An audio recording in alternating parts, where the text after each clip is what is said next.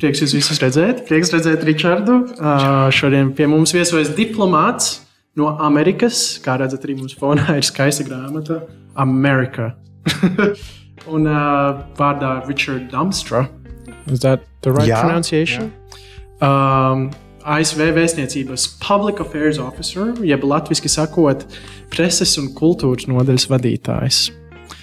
Kā tev sokas, kā tev iet, Richard? Ļoti labi, paldies par ielēgumu šodien. Ļoti liels prieks, ka tu pie, šodien atnāci pie mums viesos. Uh, te jau trīs gadus Ričards ar savu um, bulgāru izcelsmes dzīves biedru Ivo ir bāzēti Latvijā, un šovasar tava misija Latvijā arī noslēgsies. Par laimi vai diemžēl? To tu vēl Diemžēl. pastāstīsi.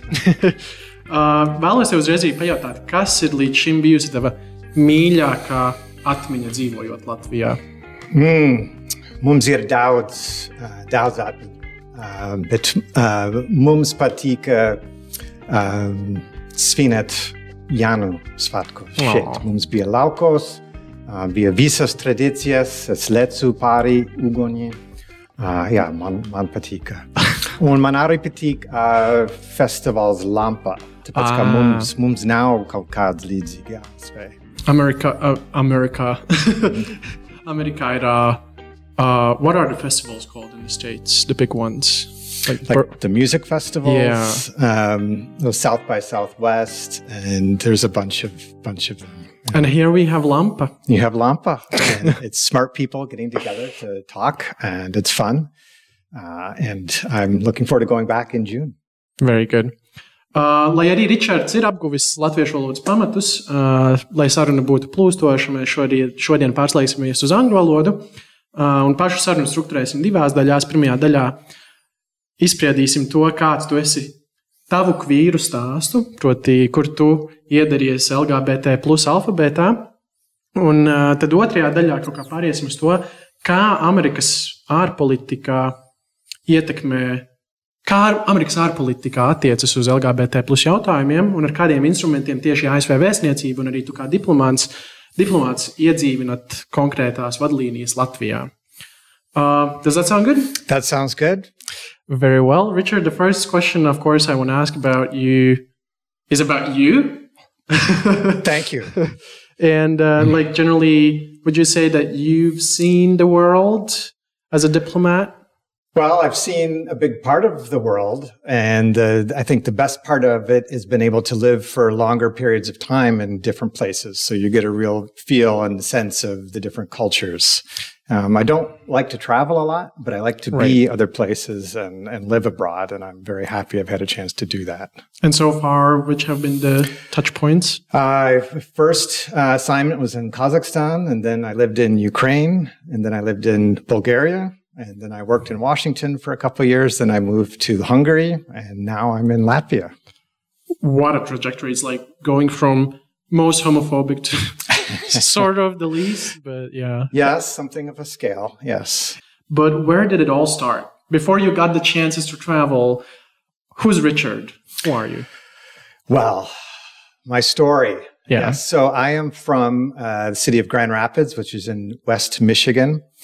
And this is um, when when you're from Michigan, um, the state is shaped like a hand. For those of you who who know Michigan, so whenever we're explaining where we're from, we hold up our hand uh, and explain where where we're from. So Grand Rapids is on the southwest Michigan side. Detroit's over here. Grand Rapids is So there. it's closer to Chicago. Yes, it's about a three-hour drive to Chicago, and we go to Chicago often for for culture and going to the big city uh, things.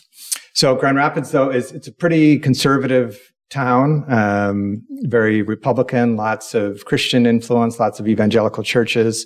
Uh, grew up in that environment. Uh, very normal, happy childhood. Just very, uh, I think, very conservative and relatively sheltered childhood. And so that, of course, had a, a big impact on me and uh, the whole process of at first hating myself and then eventually accepting myself as a gay man.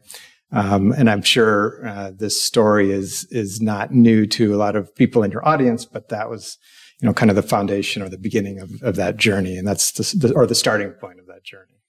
What was the turning point? Like I know you, you, you told me that like religion had quite a big aspect in your life as well.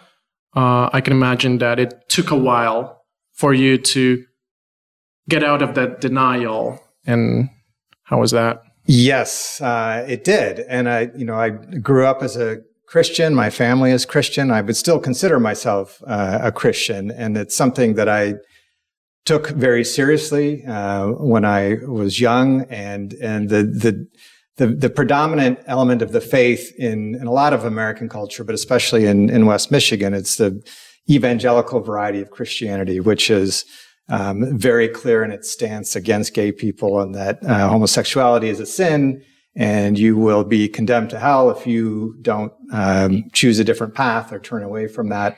And so that's that's something that was just sort of um, infused in my in my brain in my life growing up. Uh, and so it really took me a long time to eventually learn that there are other ways to interpret the faith and to um, to find other people who who don't think that way and to realize the world is much bigger and there are different and I think broader ways to interpret the Bible and to interpret uh, what people believe these commands are. And it, it, I went through that process over the course of many many years, um, but it was sort of driven by this fundamental feeling inside of me that um, I, I, couldn't live with this idea that that I'm a mistake, that God created me, and that I'm a mistake. And I and I eventually discovered that a lot of people feel that way and think that way, and that um, I'm now quite comfortable saying that I'm part of God's design and part of His creation, and um, He made me this way for reasons. I might not understand all the reasons, and but I think that's that's part of how He created humanity. I know in Latvia there are a couple of mostly Baptist churches that are like inclusive with that are led by queer individuals as well. For you as someone who has to travel for work a lot, do you like still actively like look after your faith? Uh, how is it in Latvia? Do you like attend like services or no i don't and i to be honest i haven't really explored what the options are here particularly in sort of the english speaking world my experience with the english speaking churches uh, overseas in other countries have been that they tend to be quite conservative and evangelical. Right. And so I did attend uh, these kinds of churches, the international churches in Kazakhstan and Ukraine.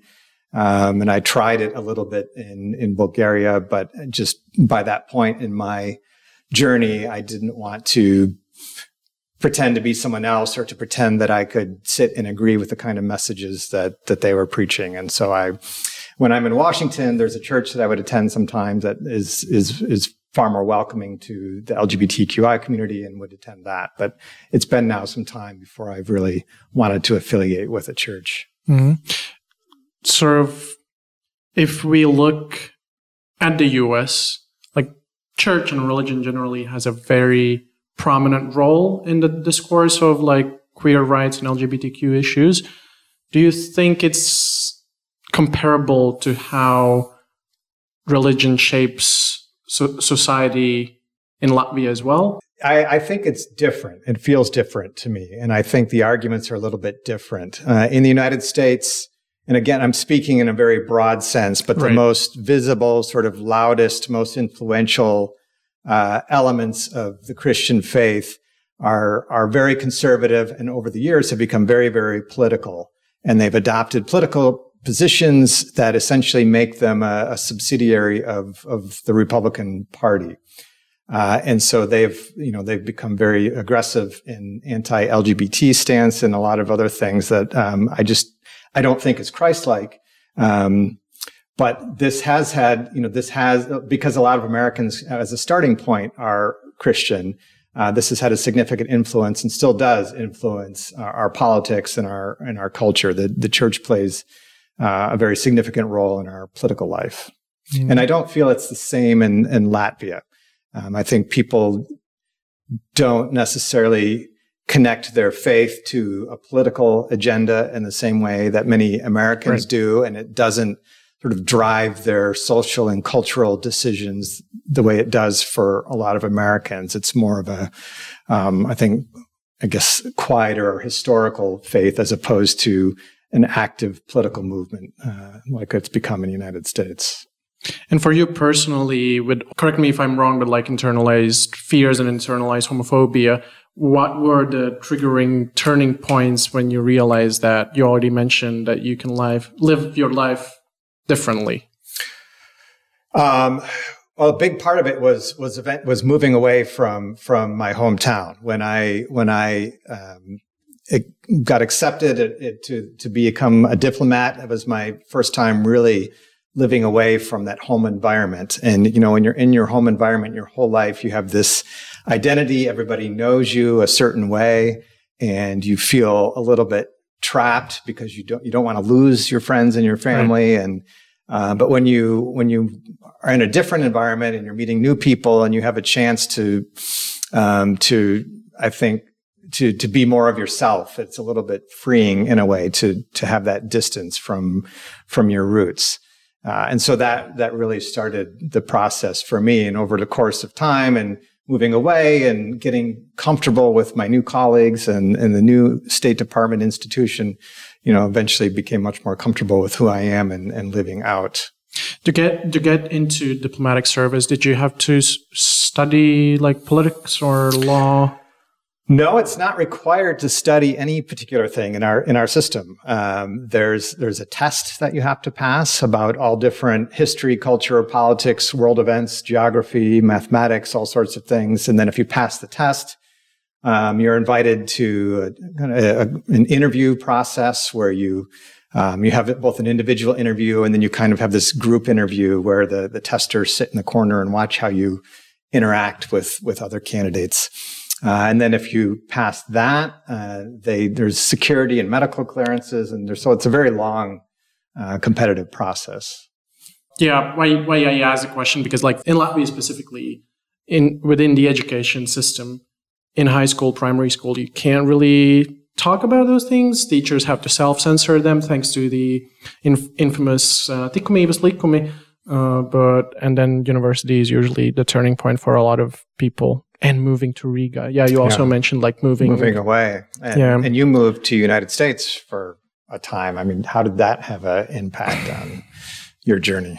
Well, I'm a staunch advocate for people finding their opportunities to live in the states as well. I'll have a question for you about that in the end, but um, it was eye opening. Like the first day on campus, we had like the tour around the campus and like there were like huge rainbow flags out. I was shocked.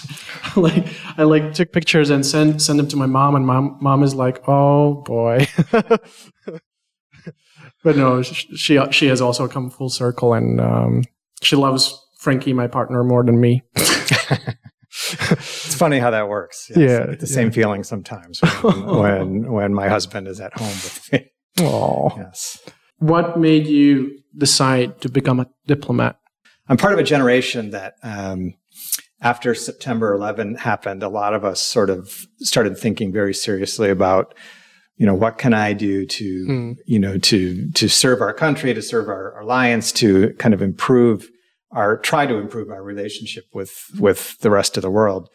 And some people chose uh, military service, some people chose other government type service, and I thought diplomatic uh, service would be a good fit for me and my interests. And how has it been? How is it like, not generally, how is it being a diplomat, but how is it being a gay diplomat? Well, I think for the most part, it's, uh, it's pretty good, at least in our system. There's some, some right. challenges and I, and I also have to preface everything that I say. I know that we as diplomats, when we're living in another country, we live in somewhat of a, of a bubble. We have our, um, you know, our community of other diplomats and expats and, and then a lot of the people that we work with, uh, in, in, in local, in the countries where we're living, they tend to be more, you know, well traveled or people that are not you know, are used to being around people who are different than them. And so being, being a gay person is not uh, a big deal. And I also have this idea that, you know, I'm a little bit insulated from, from the local laws and local customs. And so I know that we live in a bubble. Um, and it's not maybe the same for, for, um, you know, a lot of people in your audience who, who don't have that same kind of dynamic for them. But in general, our, you know, especially in, in our U.S. State Department, it's really come a long way in terms of treating us equally and giving us the sort of protections and support that we need to work uh, as as LGBTQI diplomats. Uh, we have an organization within the State Department that advocates for us and makes right. sure that um, new policies or policy changes aren't going to have a you know a negative impact on on us. Um, 30 years ago, you could be fired from the federal government if if uh, the security found out that you were gay because you were considered a security risk. Because um, either because you're you're, you're less stable, gay people are less stable, or true. in some cases, maybe, um, but also this idea that you could be blackmailed. You know, the KGB could, you know, take photos of you with a man and then blackmail you to give away secrets and and things. And so, um, so there was this. were, were just, there any cases like, or was just does that's just like allegation Based. You know, I, am sure there probably were cases yeah. of of that, but also, you know, they should be should be treated on a case by case basis and not make this blanket assumption that um, a gay diplomat is somehow a bigger security risk than a straight diplomat. Yeah, straight diplomat could have an affair with a woman and, and be blackmailed. You know, it's a it's faulty logic. So 30 years ago, when you apply, not you applied, if someone applied, they had to disclose their sexuality? No, people kept it a secret back then because they would be fired if someone found out. But then oxymoron. people do found out or somebody tells about them and then there's an investigation and then they get fired. Um, gotcha. Um, but enough people finally stood up and said, this is not fair. This is unjust. Um, and you're, you're, you're, you're, you're kicking out talented people for no yeah. good reason. And so uh, under President Clinton at the time, they, he passed an executive order that forbid uh, firing from the federal government just on, on that basis. Right. Um, and then over time, they continued to lobby for other protections against discrimination and employment decisions and things like this. And um, the State Department and our diplomatic corps in general developed a pretty good reputation for for supporting LGBTQI people. State Department, that's like equivalent of the Foreign Affairs yeah, Ministry. The, yes, exactly. That's what we call our foreign ministry. Gotcha. Like the story about people just pro- protesting reminds me of in Sweden when um, being gay was still considered considered an illness. Mm-hmm. People just would not go to work because they're sick. Can never work again. I'm permanently ill. Yeah. Yeah. And that like also triggered some changes because capitalism. yes, it, uh, it's not it's not good for your economy to discriminate against people on something like that. Yeah, exactly. Know? Tell that to Latvian politicians. Yes. Well, it's your job as a Latvian to tell that to Latvian politicians. So, very yeah. that, very that. Are there any other challenges currently regards uh, the State Department ensuring that the environment internally is like inclusive and the diversity is like ensured?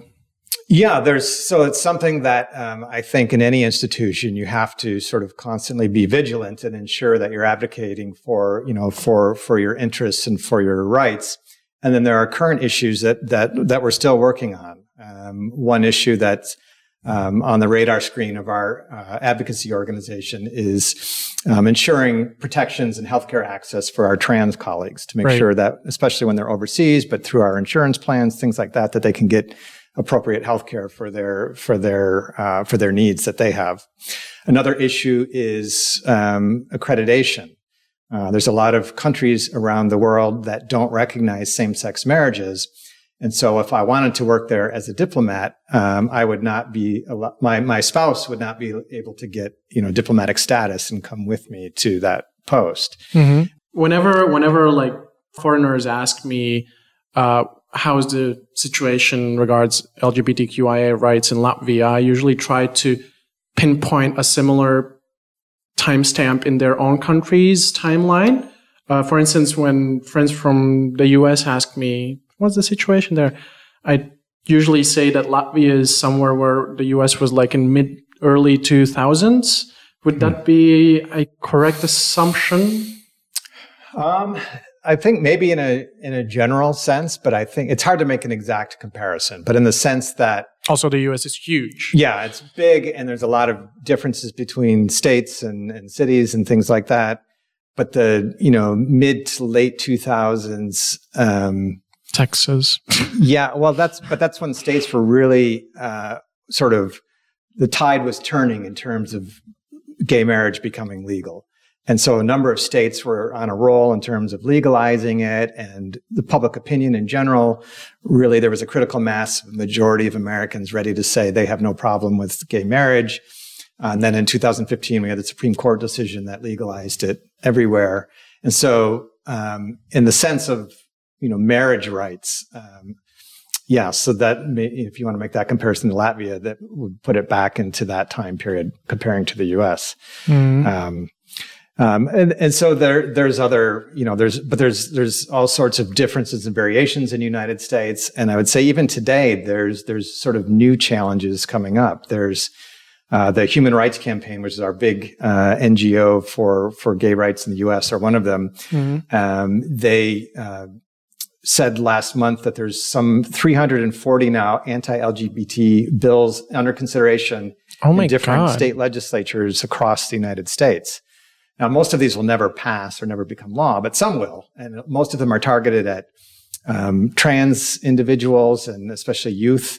Uh, a lot of them, there's, there's Tennessee just passed a law um, restricting drag performances, and there's so kind of this cultural. There's a little bit of a backlash now that we're seeing, which is really wrapped up in in politics and Republican Party wanting to use these issues as a as a as a wedge issue to sort of energize their supporters. And it's it's unfortunate because I think as a whole the US has gotten past a lot of that, but there's still still lots of work to do. In 2023 banning drag performances, Jesus Christ. Yeah. RuPaul has been here since 1800s and Yes. Yes.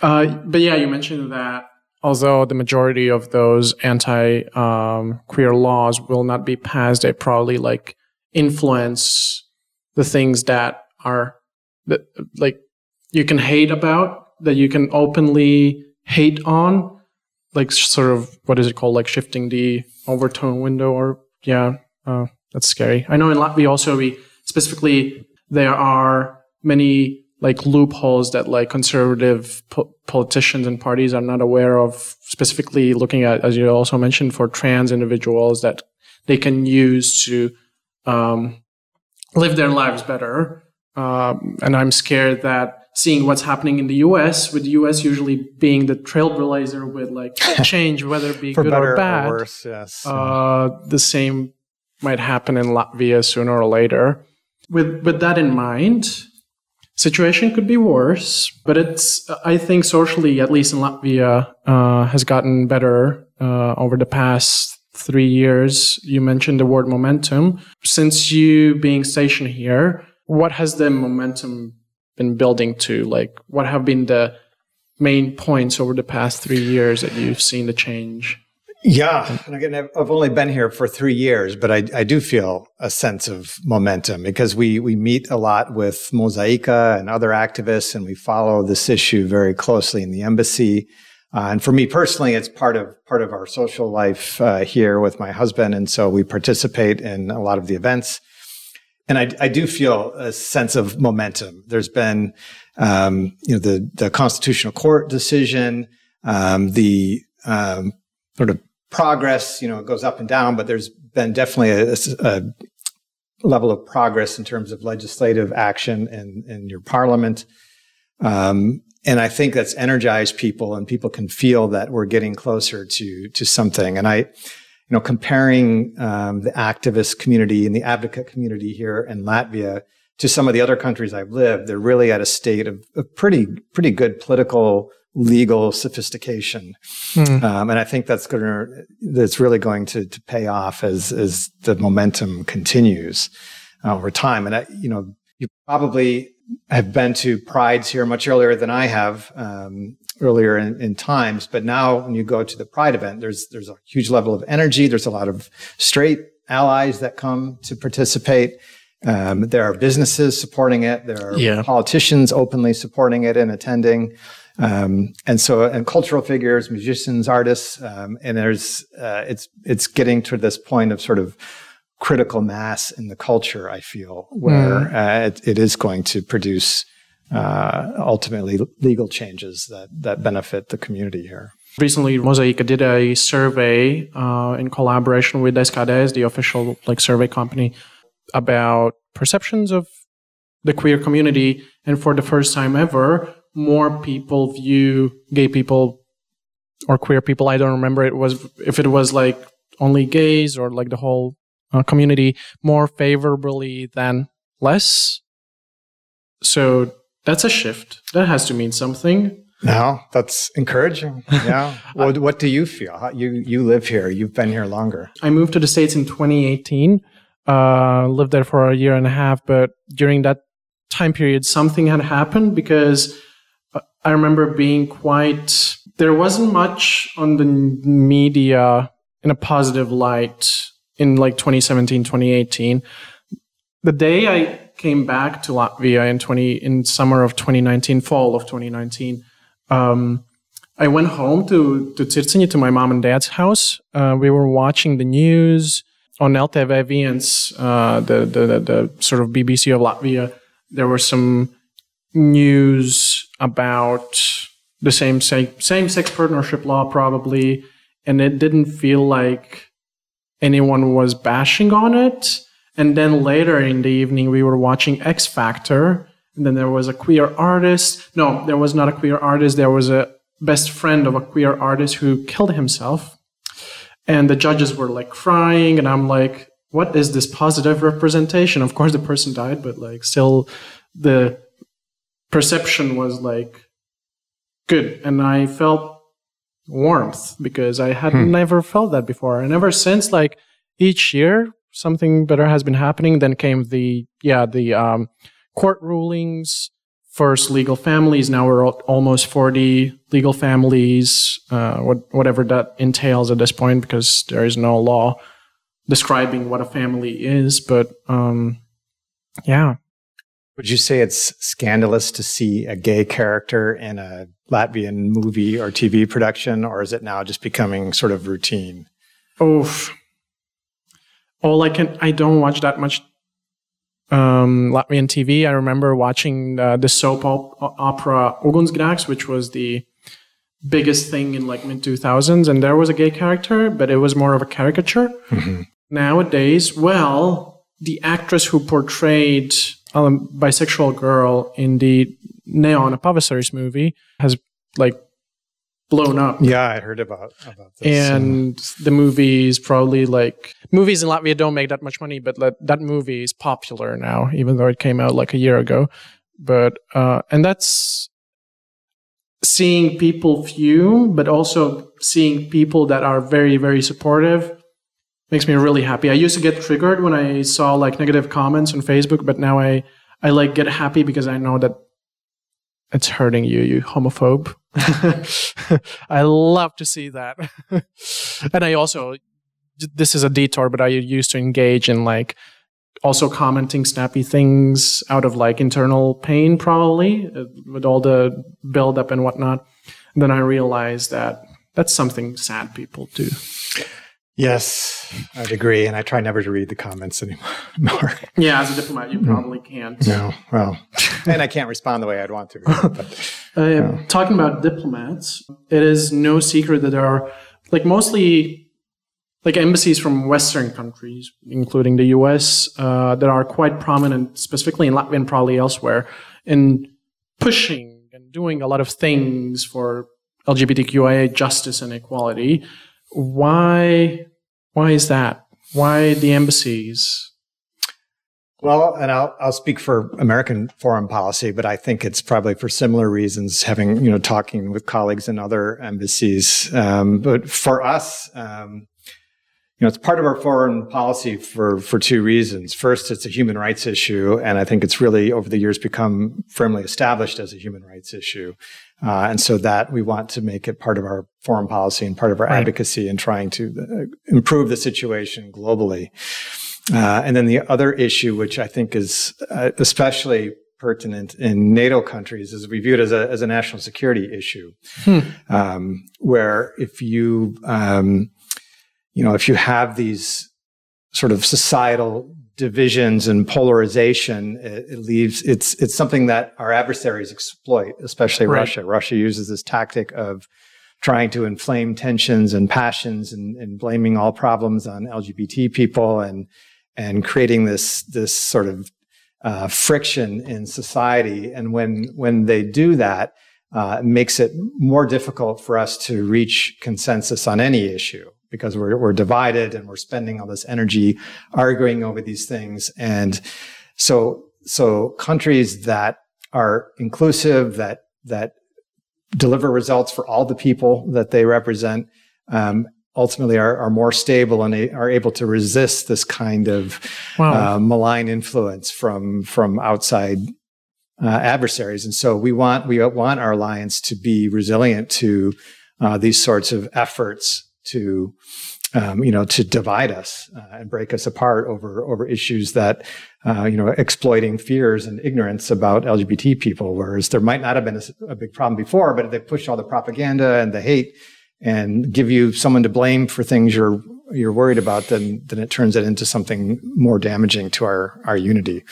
And so we look at it from from that perspective also. And that's not just an issue for Latvia; it's for anywhere in the alliance. It's true in the United States also. Mm. Um, but it makes me sad when I see politicians in my country, politicians here, politicians in other NATO countries copying these tactics from from Russia, uh, using you know weaponizing homophobia and trying to use it as a as a way to to to divide us. So stupid, in my opinion, is that like you're just creating like su- pseudo problems to divert attention from real life issues and just keep like in Latvia again specifically like we've been talking about same-sex partnerships for since 1990 yeah. And okay that makes a lot of sense now why Russia is homophobic. And like we also get like yeah for instance the we in in the education law we I already mentioned we have the tikumības the purity law clause uh, which is a softer copy paste from Russia's anti-gay propaganda law. And yeah, it's just replicating the same thing and giving people something to like fight over about. This the inequality is is is ammunition for them. It's a hook for them to to keep going with the polarization and division, and it pulls you back from the tra- trajectory that on as an EU member, as a NATO member, and and that's that's what uh, Russia would like to see happen. Um, so hopefully they fail. Uh, I remember the first prides um, in like mid 2000s in Latvia. Not gonna lie, they were like the majority of the attendees were like diplomats or people from like foreign countries. Why? because it gave like I, I I back then personally believed oh wow they're bringing in gays from from from norway or from the netherlands. And it sort of feeds into the idea that it's brought in. Yeah. Um, there's probably different reasons for this and you know i can't say the us is is perfect in anything but you know one thing that i'm proud of that we've done as diplomats is we've been some of the more eager early participants in some of this activism in different countries around the world and I can speak to a little bit more about the situation in Bulgaria. Um, right. I was there for the first Pride in 2012, uh, and it was you know a small group of activists and a bunch of diplomats, and there was no institutional support, no politicians, no you know cultural figures, no businesses, and there were more police than there there were participants in, in the Pride event. Uh, and then I went back to that Pride parade multiple years since, and it's now grown into this huge event, 10,000 plus people, a huge concert, all sorts of politicians and top celebrities and everybody going to it. Lots of straight people go to it because it's span of 10 years. Yeah. Um, it's really emerged. And so at the beginning, the speakers, you know, they were the diplomats and they were saying, Hey, you know, we're, we, we're with you or we're pushing, uh, we support you. And now it's evolved to the point in Bulgaria where there's no time in the program for the diplomats. And that's the way it, should be. Mm. It should eventually evolve to a situation that is, you know, led and driven by the host country institutions and activists and people. Um, I think diplomats, we have a little bit of um, an advantage in in sort of joining these things when they're when they're so unpopular at first. It's you know we're not we're not business people trying to make a profit. We're not politicians trying to get elected. Uh, right. We can't really be arrested. Right. Uh, and so there's a little bit of safety that we have. Um, and if, you know, if it plays a little bit of role in generating some attention and some support from, uh, the host country politicians and businesses, then I then I'm I'm glad that we were able to do that. Mm. Um, but eventually, it needs to evolve into something that's really truly a, a locally driven thing. Right. Oh, sounds so good. Yeah. Uh, you, and, I, and, I, will say here, I think it largely is locally driven now at this point. At this point, yeah. That's, that's certainly yeah. my impression. Well, yeah. I still hope to see you in Pride this summer. I'm going to be there. I'll be there for uh, for all of it, and I'll enjoy the party, and I'll watch the activists, uh, you know, do the do hard work and, mm. and, give the important speeches. So. You mentioned uh, the case of Bulgaria. Were you um, when you were a diplomat in all the other countries you mentioned, like Hungary, uh, Ukraine, and Kazakhstan? Where did you also serve a, as a pub- public affairs officer? Um, Did you have to do the same things that you do here? In in Hungary and Bulgaria, I it did. It was similar. In Ukraine, it was different. I was working in our consular section, and then in Kazakhstan, I was a political officer working on human rights uh, issues. Human rights. So, did yeah. you have to deal with uh, LGBTQIA things? Um, normally, I, I, I would have. It was sort of in my portfolio, but at the time. Um, there really were no LGBTQI organizations or activists, mm. at least not that were known to us or open. This was um, this was 15 years ago, mm. um, and also it wasn't a foreign policy priority for us in the same way that it is now. Um, it just didn't didn't get that kind of attention by our right in, as part of our foreign policy. So right, that's fair. Yeah. What are the tools available to you um, to foster LGBTQIA equality in Latvia? Um, yeah, well, the tools that we use for this issue, I would say, are similar to the tools that we use for for any issue.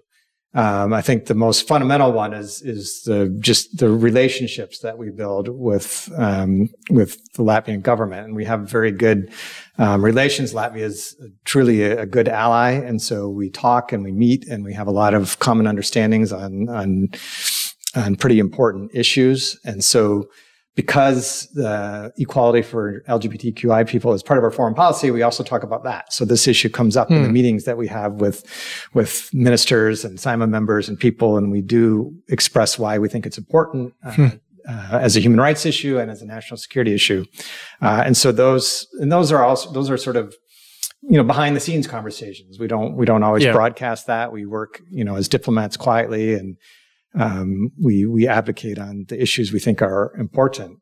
And then more publicly, and this is what my team works on, is is the more public advocacy. So um, we you know we have uh, a small grants program where we give grants to to groups that are interested in helping us uh, advance foreign policy issues that usually involve some element of you know American history, culture, policy. Right something. So we have that. We have exchange programs that we can send people on that help them build um, sort of advocacy networking skills. Mm. Um, we use our own messages publicly on social media or speaking to the press.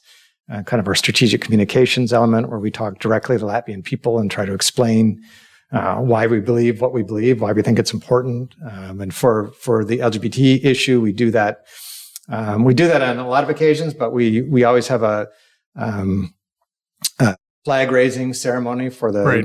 Pride Progress flag for the International Day Against Homophobia and Transphobia in May, uh, and then we always participate in the Pride events, and we have we fly the flag above our embassy, and the ambassador usually uh, goes and marches in the parade along with a big group from the embassy just to vocally show our, our support for these events.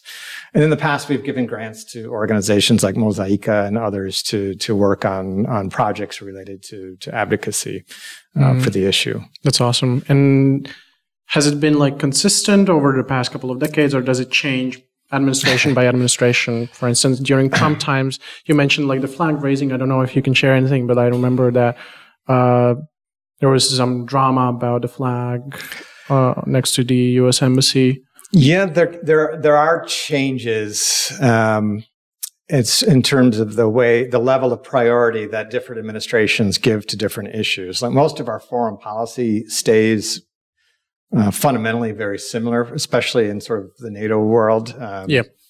But with the Trump administration, there were a lot of changes, and that's you know one of sometimes the challenges for us as diplomats in our system.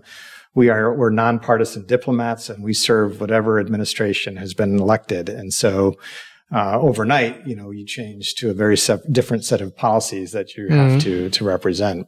And so, Trump administration um, did not prioritize this issue as much. That we still had some some uh, freedom to to be active. We still went to Pride events and supported Pride parades and gave grants and things like that.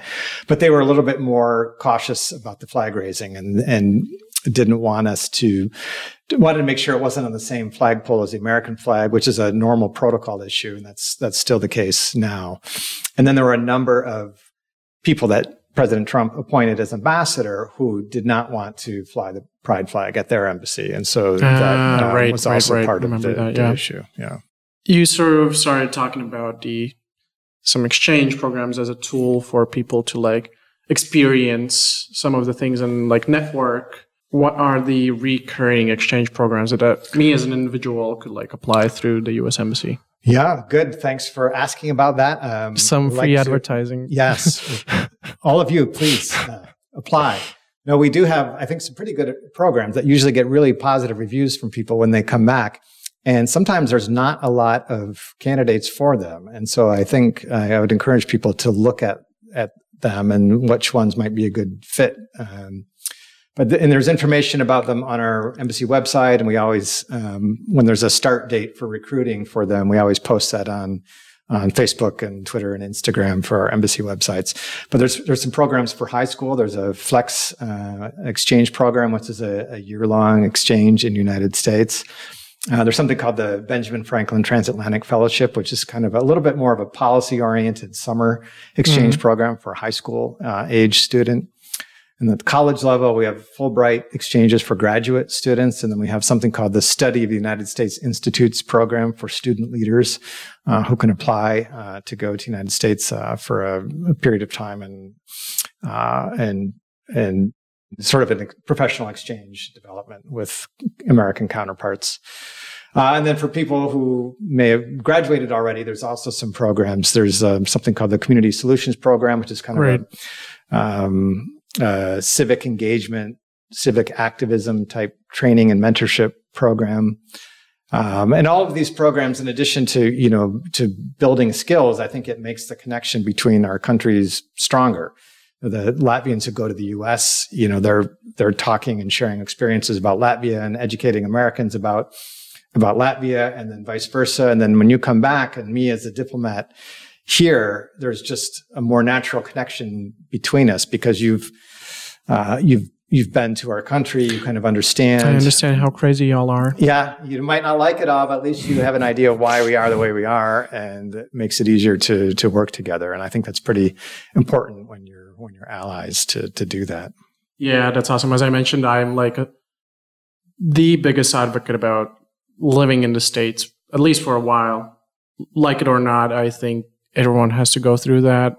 If you don't have the means, there are, as Richard said, like many opportunities. Just prove yourself to be an awesome human being, and I think all the doors are open. it's good. Good to be optimistic and at least explore and, and try these things. So yeah. Exactly. I will. I will compile all of these things and put them in the press release that's accompany uh, attached to this episode, so everyone who's interested can check it out. And yes, also, the please apply. Follow us on social media to see when the applications are starting. How can we find US Embassy on social media? I think it's under US Embassy Riga on Facebook, Twitter, and Instagram. Mr. Search. Public Affairs Officer. yes, yes. I haven't memorized the, the URL or the exact address, but it's not hard to find. So. Can I actually? Um, I do remember early university years, I tried applying for an internship in the U.S. Embassy. Didn't get it. But is there like a just out of curiosity? You mentioned that the State Department generally is very like there are many policies to be more inclusive. Is there like a quota system for gay people? No, no, no. There's no quota system. so it's all merit. Yeah. Fine. But compete on the merits and you know, yeah, exactly. work out. Exactly. Yeah, exactly. One question that I usually ask our guests how can our viewers and listeners support the ideals and values that you support? Uh, that's a good question. And as a diplomat in another country, I'm always sort of a little bit sensitive of telling people, you know, what to believe right. or how to do something. But, um, you know, I'm, I think I'm pretty comfortable saying that, um, this idea of civic involvement is critical to all of us, to, to, to Latvia, to the United States, to the country, that if we don't continue fighting for the freedoms and the things that we've had or that our parents have earned, you know, over a lot of hardship, if we don't continue um, fighting for them, we're going to lose them. And I'm feeling that in the United States. There's a, lot of polarization. There's a lot of crazy things happening in our political system, and it requires people to to to stand up, to vote, to speak out, to get involved, to join organizations. Um, because if we if we sit back and and don't um, uh, tend to this this this society that we have, we're gonna we're gonna lose the freedoms that we have, and so that's the key message. I think really is is to to be involved. And so on this issue, you've got great organizations here, uh, Safe Space, Mozaika, a number of others. There's cultural organizations like the Baltic Drag Kings Collective. There's um, cultural venues like Skapis. There's all sorts of things happening here. Um, I'm excited for for the community here and what's the momentum that's currently happening in Latvia. And I think uh, there's lots of ways to to be part of uh, this momentum.